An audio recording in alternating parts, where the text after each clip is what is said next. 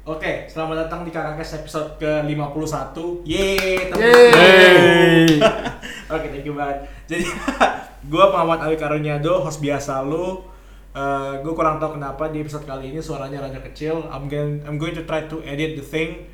But kalau misalnya emang kecil banget, ya super sorry. I'm not gonna retake it Because it is what it is. Yoi. gedein aja suaranya di di di, di peralatan lu. Anyway, so last episode kita tuh ngomongin mengenai pengalaman kerjanya si Rimba Arya Ri- Rimba, Rimba Arya Arya Suryo, Suryo Dipuro. Dipuro. Nah, sekarang kita pengen gue pengen ngebahas mengenai ini sama ya episode kemarin sampai dengan episode sebelumnya ada Viva Kadri Merdeka. Say hi Viv. Halo semuanya. Halo semuanya. Halo guys. Halo guys. Gitu ya. Oke. Sedangkan di sebelah gua, sebelah kiri gua ada Rimba Arya Suryo Dipuro. oh, selamat malam saudara-saudara. Selamat malam saudara-saudara. Oke. Ah. Next time gue harus gitu sih. Jadi Fix sih. sekarang kita mau ngebahas hal yang baru trending banget eh, itu Sunda Empire. Astagfirullah. Lu ikut gak Sunda Empire, Empire Rim? Oh, yang saya dengar sih itu banyak palsuan itu. Ada Itu scam terbesar. scam terbesar. Jadi kalau kalian nggak tahu Sunda Empire itu kerajaan yang baru muncul ya nggak Viv? ya dari Bandung. basisnya Bandung. Ya. Nah mereka bilang bahwa mereka itu tatanan atas dunia kan kalau nggak salah. Hmm. Menjadi ditakdirkan untuk menguasai bumi. Nah itu itu yang gila banget men. Jadi jadi kemarin dia bilang bah- bahwa NATO pun dari NATO itu lahir di Bandung, kan? dari Bandung. Dibentuk di Bandung, gila gak? Semua peristiwa tuh berasal dari Bandung. Pokoknya A B C D E kan kalau Ya, salah. A B C D E. A itu Amerika, Amerika, B itu Belanda, Belanda, Kanada, Bandung. Bandung. D itu Bandung pokoknya.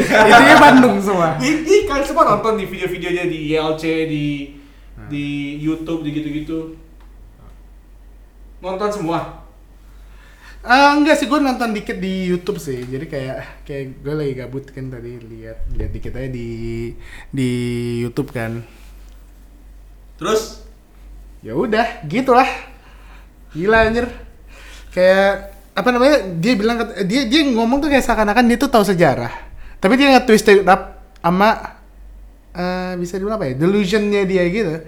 Jadi seakan-akan itu benar. Karena emang ada beberapa ba- ada beberapa fakta yang dia bilang kan sebenarnya benar-benar aja gitu. Cuman dibikin seakan-akan tuh ada ceritanya lagi. Kayak kayak buat fanfiction gitu dari sejarah gitu kayak jadi. Fiction. Lu lu gimana komentar lu?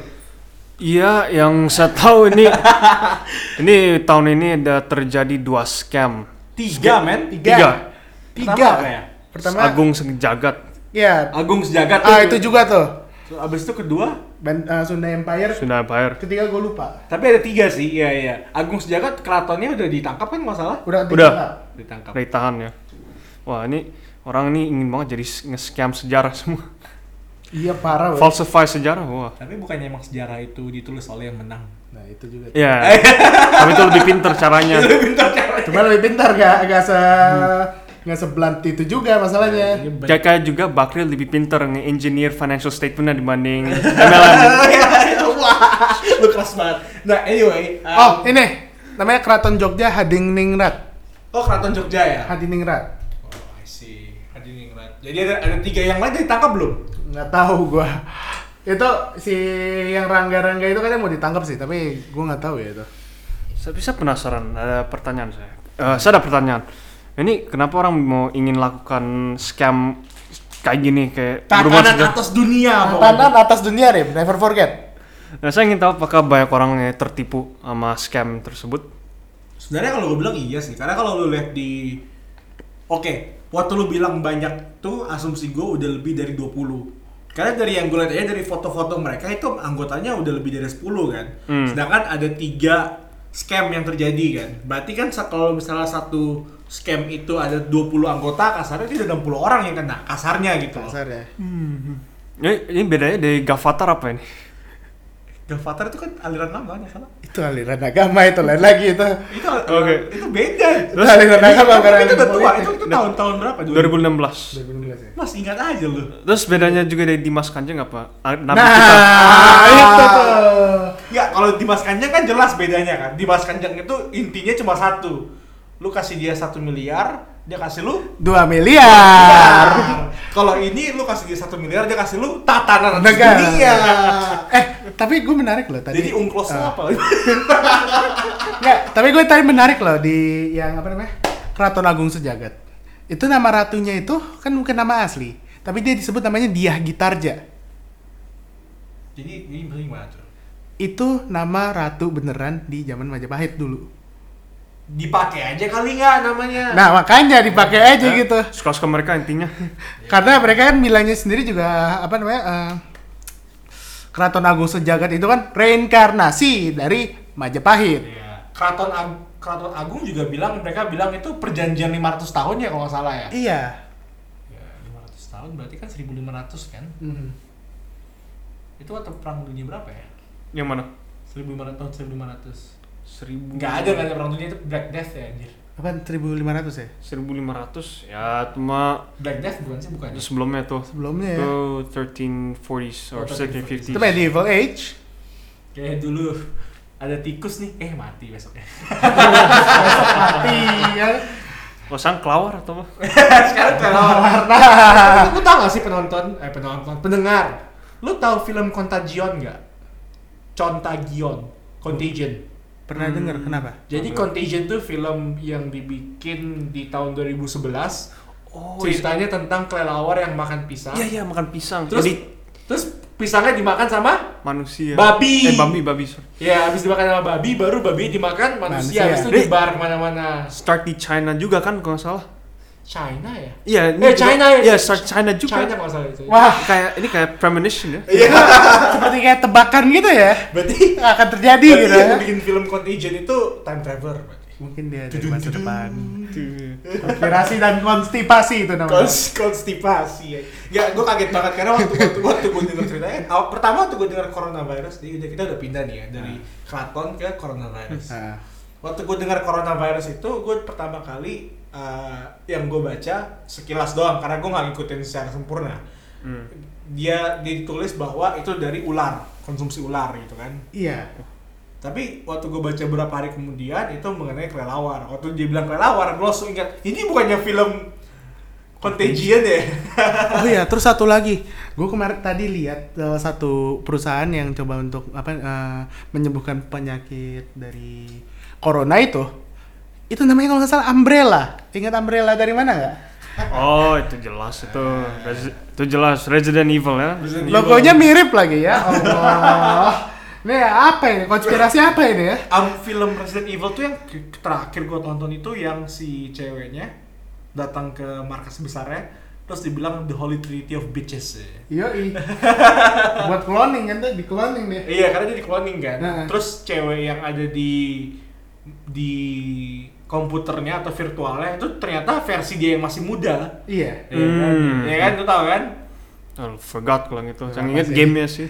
Lu lihat gamenya ya kan? Iya. Tembak zombie aja inget ya. Zaman kita- dulu. sih kalau kita ngomong yang trending tuh cepet banget pindahnya pertama dari keraton Sunda Empire terus coronavirus terus film Contagion terus Resident Evil man karena, Iya. karena itu emang karakteristik pembicaraan trending cepet banget pindahnya dan shallow kan Hmm. Nah, ini kemungkinan ada World War Z bisa terjadi. Wah. ya itu dia Oh itu tuh World War Z juga tuh. tapi kalau kalau kita ngomong potong sebentar ya kalau kita ngomongin tahun 2020 awal tahun aja nih awal bulan aja udah banyak banget masalahnya pertama eh, eh, perang dunia ketiga kan Banjir. banjir dulu Banjir. banjir Jakarta kan Yoi. Perang dunia ketiga. perang dunia Hmm, ketiga iya. yang Iran ditembak Oleh oleh Amerika. Amerika. Amerika terus Iran membalas dendam Iya. Dan apa bawa rudal apa launch missile ke Iya. markas Amerika berapa markas Amerika Iya, di Irak. di Irak habis habis perang dunia ketiga ada lagi kasus laut Natuna Selatan ya Iya. Iya, antara Indonesia sama Indonesia sama. China ya Si Eta. habis itu tiba-tiba ada coronavirus Coronavirus. Iya. banyak banget ya terjadi ya di bulan 2020 ini ya di Januari Iya. 2020 ini ya Banyak musibah ya sekarang. Musibah ya. Nanti pa- kemungkinan akan lebih parah bulan-bulan ke depan ya. ya kenapa Bisa aja kan lebih parah. bener sih bener sih Things Oh, can only get way. worse. Jangan lupa loh tahun 2020 tuh kalau kata Prime Ministernya India katanya India akan menjadi negara superpower tahun ini katanya. Gimana tuh? Si Modi ya masalahnya. Modi. Sekarang Modi, tapi yang prediction itu ah lupa namanya dulu banget. Ta- tahun 1950-an atau 60-an deh katanya. Eh, kata prediksinya Indonesia eh, India akan menjadi negara superpower. Ya. Kita kapan? Kita kapan? Wah, nggak tahu itu. Butuh waktu sih. India insya Allah ya superpower ya. Kalau kita sana lagi ya. Yo ya. Kita- Bisa sapi bisa terbang gitu. Sapinya terbang dari. Ya sekarang gue mau nanya nih, Indonesia kapan majunya? Nah itulah. Kapan menurut lu? Anjing. Kalau gue bilang sih tahun 2060. Gua Kar- tahun 2065 deh. Karena gue bilang 2060 ini bukan gue asal ngomong ya. Tapi gue menilai kan tahun 2045 kita bakal terjadi yang namanya bonus demografi kan. Bonus demografi itu berarti uh, manusia produktif yang berusia 20 sampai 40 itu bakal melebihi dari 50% Hmm. dari populasi di Indonesia kan. Hmm. Karena banyaknya manusia yang produktif di tahun itu, gue bilang dalam waktu berapa tahun kemudian bakal jadi uh, negara maju gitu. Hmm. Itu sih asumsi gue karena tahun kemarin aja kita udah masuk 1 trillion dollar club bro. GDP kita udah satu triliun US dollar men. Eh, by the way emang uh, sorry ya. Populasi anak-anak saya yang di bawah umur itu emang lagi banyak ya sekarang tahun-tahun. Banyak banget di bawah umur. Lebih banyak dari orang tua atau Iya, iya, iya, orang produktif sekarang ya. Ah. Jadi kita bentar lagi, jadi kita mulai masuk ke bonus demografi itu tahun 2030 ke atas itu udah nyentuh tuh. Udah mulai. Kenapa tiba-tiba ada lain? Nggak boleh gue di chat. Gue lagi rekaman ya.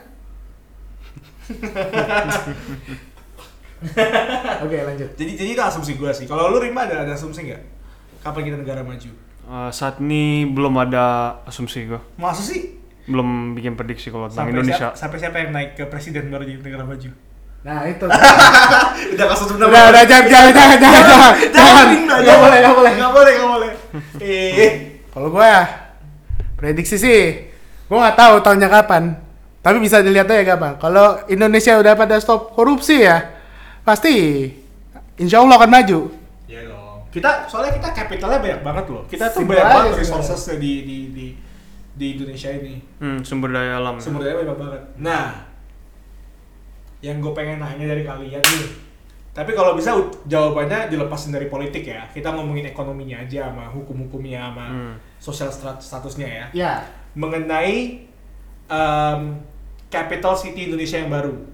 Oke. Karena kan capital city Indonesia yang baru ini atau ibu kota baru kita yang di Kalimantan Hmm, East Kalimantan ya. ya itu bakal pembangunan itu bakal di oversee atau dipantau oleh tiga orang. Pertama Tony Blair. Tony Blair itu mantan, Mantan Inggris. Perdana eh, Menteri, Presiden iya. Inggris. ya PM Inggris. ya kedua Masayoshi Son. Masayoshi Son ini adalah investor dari Jepang yang invest di Uber, Tokopedia, pokoknya perusahaan-perusahaan startup yang sangat besar di dunia. Mhm, Jadi dia sangat dekat dengan teknologi kan. mhm. Dan terakhir tuh sama orang UAE, gue lupa namanya siapa, sorry. Eh, Gua nggak tahu. Uh, em, Mending lu cek deh. Ntar ya, gue coba nge-google dulu nih. Em, Tapi gila juga ya di in- di supervise sama tiga orang besar gitu ya. Iya. Makanya- Dan apa ya? Kira-kira kita bakal buat apa itu? Sampai sampai tiga orang besar itu dibuat ya? Sampai sampai orang tiga Oh. orang besar itu di supervise. U UAE Crown Prince. Siapa ya? Invited Crown Sheikh Muhammad bin Zayed Al Nahyan. Oh, Jadi tiga orang ini tiga orang besar yang diundang untuk jadi dan mereka bersedia berpartisipasi dalam pembangunan eh, kota baru Jakarta, kota kota baru, kota ibu kota baru Indonesia gitu loh. Itu Hmm. di mana sih tempatnya? Kalimantan Timur. Iya kalau Maksudnya ada kota tertentu apa nama kota tertentunya gitu nggak? Atau Aduh. tempat kosong gitu? kan somewhere near Banjarmasin tuh. Oh, Eh, no not Banjarmasin, sorry, Balikpapan tuh. I see, I see. Yeah. And I would say it'll be more practical kalau ada ibu kota baru, because now it's not very practical in a crowded city kayak Jakarta, and it's gonna sink anyway. So screw Jakarta. Tapi tapi emang concernnya si Rimba ini benar ya? Iya. Ne- negara bukan kota Jakarta itu emang dinyatakan Rawan banjir. rawan banjir dan dinyatakan tenggelam pelan-pelan tenggelam berapa senti ya kalau salah per tahun ya. Iya. Iya. Gue lupa berapa itu gue mulai dapat beritanya dari Vice Indonesia bahwa em, kotanya pelan-pelan tenggelam, Iya. ya kan?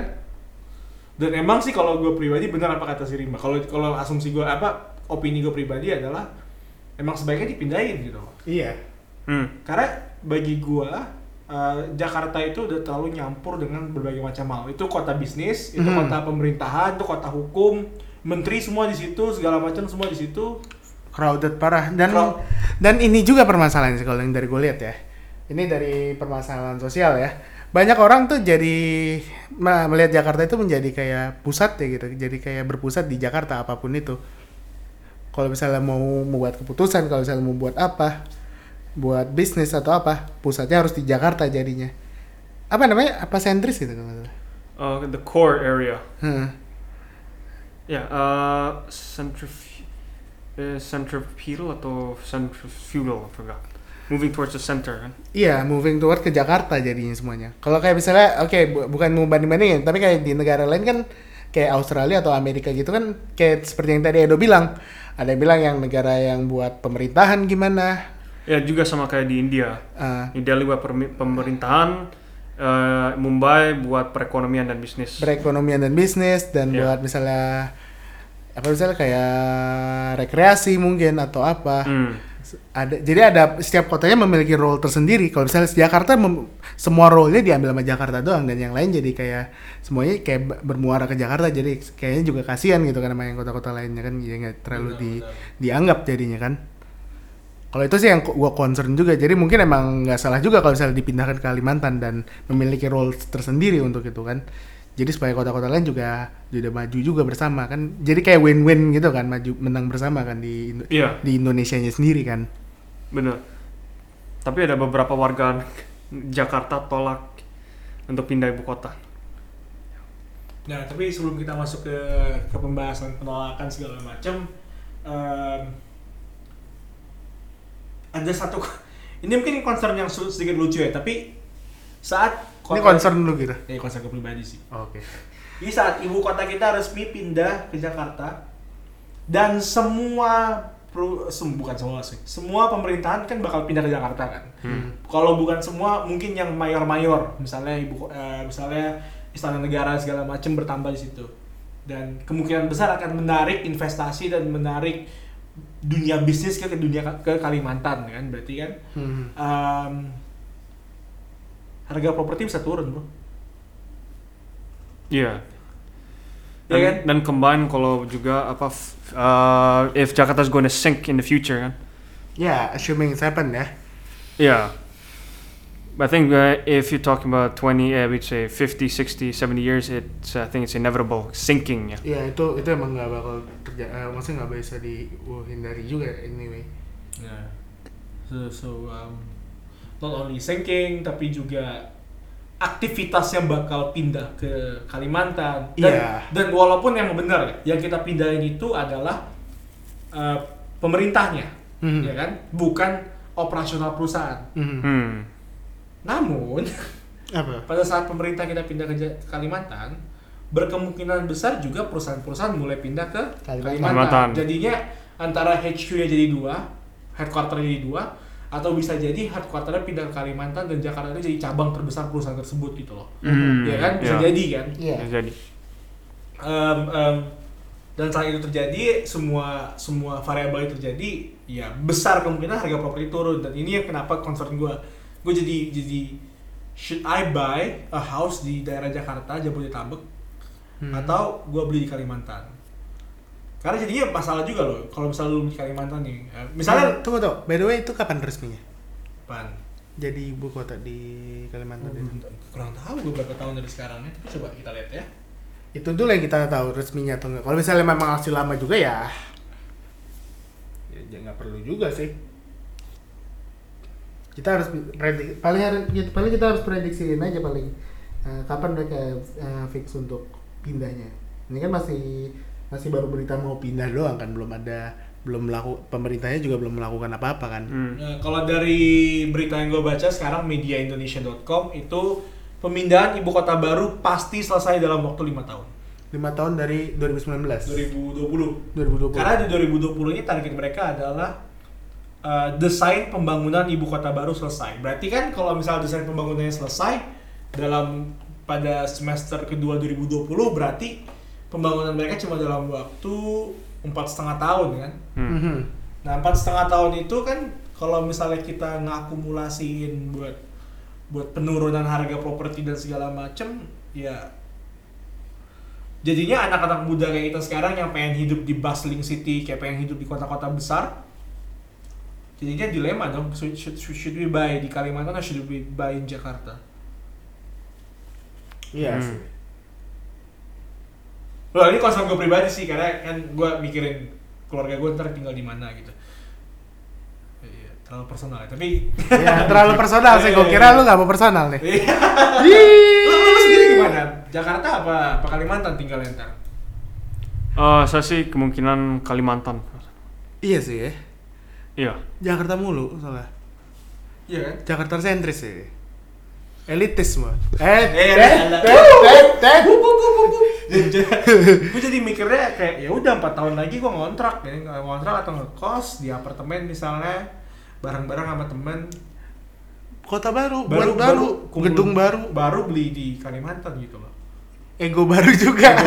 karena oke sebelum gue berhentikan yang bagian personal pertimbangan tambahan juga untuk kalian para pendengar adalah kalian bisa ngelihat para overseer yang ngeliatin para pemantau pembangunan kota baru ini kan orang-orang teknologi banget kan Hmm. Masayoshi San uh, terus orang-orang dengan dengan dunia lain apa? Pangeran dengan, dengan kota me- modern banget kan UAE Crown Prince dari UAE terus Tony Blair Hmm. berarti kan kota baru di Kalimantan ini bakal penuh dengan teknologi Hmm. kan Hmm. so it's gonna be more um, more more more comfortable lah tinggal di sana Lebih advance juga jadi. Iya, Ini advance kota eh, negara Advanced kita. City kan bahkan Smart City. Smart City bahkan Masayoshi San itu kan pemegang saham di WeWork, Tokopedia gitu-gitu kemungkinan besar semua kota apa semua oh, uh, uh, service-service di kota baru itu bakal pakai produk-produknya Masa Hmm. Grab pun dia yang megang soalnya bro Oh iya. iya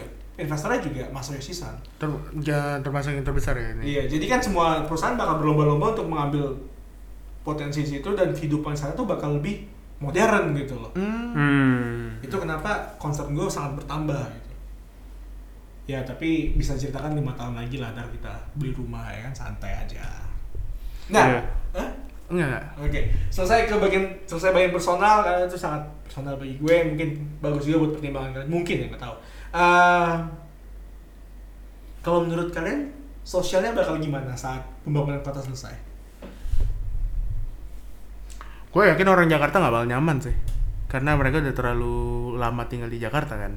Terlalu lihat luxury-nya. Well, to be honest it's very luxurious dibanding lu ke kota-kota lain kan. It's different gitu. Gue yakin pasti emang bakal akan akan ada di apa po- pos apa uh, frase lu akan di luar comfort zone lu tempat ini. Mhm. Mhm. oke jadi Social wise ya. Jadi menurut lo dalam secara sosial mungkin yang profesional bakal pindah ke Kalimantan karena untuk bekerja segala macam. Yes. Tapi untuk tempat tinggal dan dan pemukiman ataupun aktivitas tempat yang aktivitas aktivitas yang have fun entertainment kan selalu Iya. bakal di Jakarta kan. Iya. iya, oke, oke. Pasti itu kayak ada, ada ke di luar com- comfort zone aja buat mereka kalau misalnya negara Iya. memilih tinggal di situ kan. Iya, berarti ntar bakal ada jadi salah satu dari rute penerbangan yang ramai adalah Kalimantan dan Jakarta berarti. Iya. Hmm. Iya. Kalau lu gimana? Ya, saya berharap ini kota baru akan menjadi new start. A new start where they can design a new city yang where there's better transportation system and better road system and better drainage system. Yes. Agar kita tidak mengalami musibah yang orang Jakarta sering uh, berapa kali mengalami kayak banjiran Hmm. atau polusi misalnya. atau uh, macet yang sampai gridlock. Jadi saya berharap ini kota baru di Kalimantan bisa uh, mengatasi masalah-masalah yang orang-orang Jakarta sering menghadapi setiap hari. Itu Dan sampaian saya. Dan ini juga sih mungkin bisa biar bisa yang di Jakarta bisa nyebar lagi ke mana gitu loh. Iya, Selain iya. di Jakarta doang. Mungkin mungkin nggak usah di kota baru yang di Kalimantan itu. Ke mana kek Sumatera kek gitu. Iya. Maluku kek lu bisa bermukim di situ, berbisnis di situ juga. Why not? karena karena itu juga itu concern yang sangat benar dari si mereka berdua ini ya dan sangat relatable di pikiran gue karena yang bagian eh, perpindahan besar penduduk kan karena semua di Jakarta nih oh, bisnis ekonomi segala macam di Ah. Jakarta jadinya sumber daya manusia yang pintar-pintar tuh di Jakarta semua kan Iya. Nah itu yang sedihnya karena yes kita nggak bisa pungkiri bahwa pendidikan di Jakarta dan eh, SDM di Jakarta tuh bagus, tapi mereka tuh bakal bertetap di Jakarta. Mereka nggak nyebar ke misalnya Sumatera atau Kalimantan, Sulawesi buat ngajar yang lain juga kan. Iya. Jadi kompetisi di daerah-daerah seperti itu tidak sekuat Jakarta Heeh. Dan karena tidak sekuat Jakarta berarti daya saing negara ini secara keseluruhan ya turun dong karena kan Iya. rata-ratanya lebih banyak di luar Jakarta gitu loh. Dan semuanya malah relying ke Jakarta gitu kan. Iya. Kayak misalnya ini kan kayak di kayak di let's say US atau Australia kan biarpun mereka beda kota kan kayak maksudnya be- perbedaannya juga nggak nggak nggak beda-beda banget kan. Struktur kotanya masih mirip-mirip, orang-orangnya masih maksudnya eh, secara financial orangnya semuanya nggak nggak maksudnya nggak nggak nggak nggak kelihatan beda jauh banget gitu. Mungkin kalau kecuali kayak well apa namanya itu Hmm. yang di Amerika Yang mana? Yang mana dulu? yang sering ada kriminal. Nah itu tuh. Oh, yang eh, Detroit. Ya, kecuali Detroit ya. ya, tapi maksudnya eh mereka kan kayak kota misalnya New York sama Lo- Los Angeles gitu kan nggak beda-beda banget gitu, iya gak sih? Ya, gimana beda banget ada orang yang sangat kayanya, ada yang banyak miskinnya gitu. Tapi maksudnya eh, rata-rata begitu kan? Nggak, maksudnya nggak. Oh, nggak beda jauh. Maksudnya ya. kalau lu ke keluar kota jadi bener-bener civilization bener-bener kayak beda orang banget gitu kan. Hmm, hmm. Kayak Australia misalnya Sydney sama Melbourne gitu. Orang-orangnya kan pasti maksudnya eh, jenis-jenis orang-orangnya itu masih kayak mirip-mirip gitu kan. Iya, masih sejenis. itu yang mungkin jadi mungkin yang bisa dijadiin concern di Indonesia gitu jadi karena Ya. terlalu eh, terlalu berpusat di Ya. Jakarta itu sendiri Rata-rata tingkat ekonomi orang-orang di kota-kota Amerika Serikat kayak antara antar New York atau sama Los Angeles atau San Francisco rata-rata masih nggak beda jauh soalnya dibanding warga Jakarta dan provinsi lain dan pulau luar Jawa. beda jauh ya Buat jauh. hmm. Dan kayak saudara Edo bilang sumber daya manusia, produktivitasnya, produktivitasnya itu cuma satu tempat nggak sejajar antara Jakarta sama pulau-pulau lain. jadi, jadi concern yang cukup berat sih karena pertimbangannya kan uh, uh, aggregate value-nya kan turun jadinya gara-gara Hmm. nggak nggak nyebar. Um, eh, berguna banget bicara kita dari trending. bagus dong ntar nggak berguna lagi ntar deh berapa menit lagi Um, um, apa stagnan gue rada, gue rada bingung sih buat ngajarin podcast ini. Gue kepikiran buat bikin episode baru sih, karena gue ada ide baru buat episode ketiga. ya udah Kalau kalian nggak apa-apa buat episode ketiga kayak it's 9 o'clock. Nim Hmm?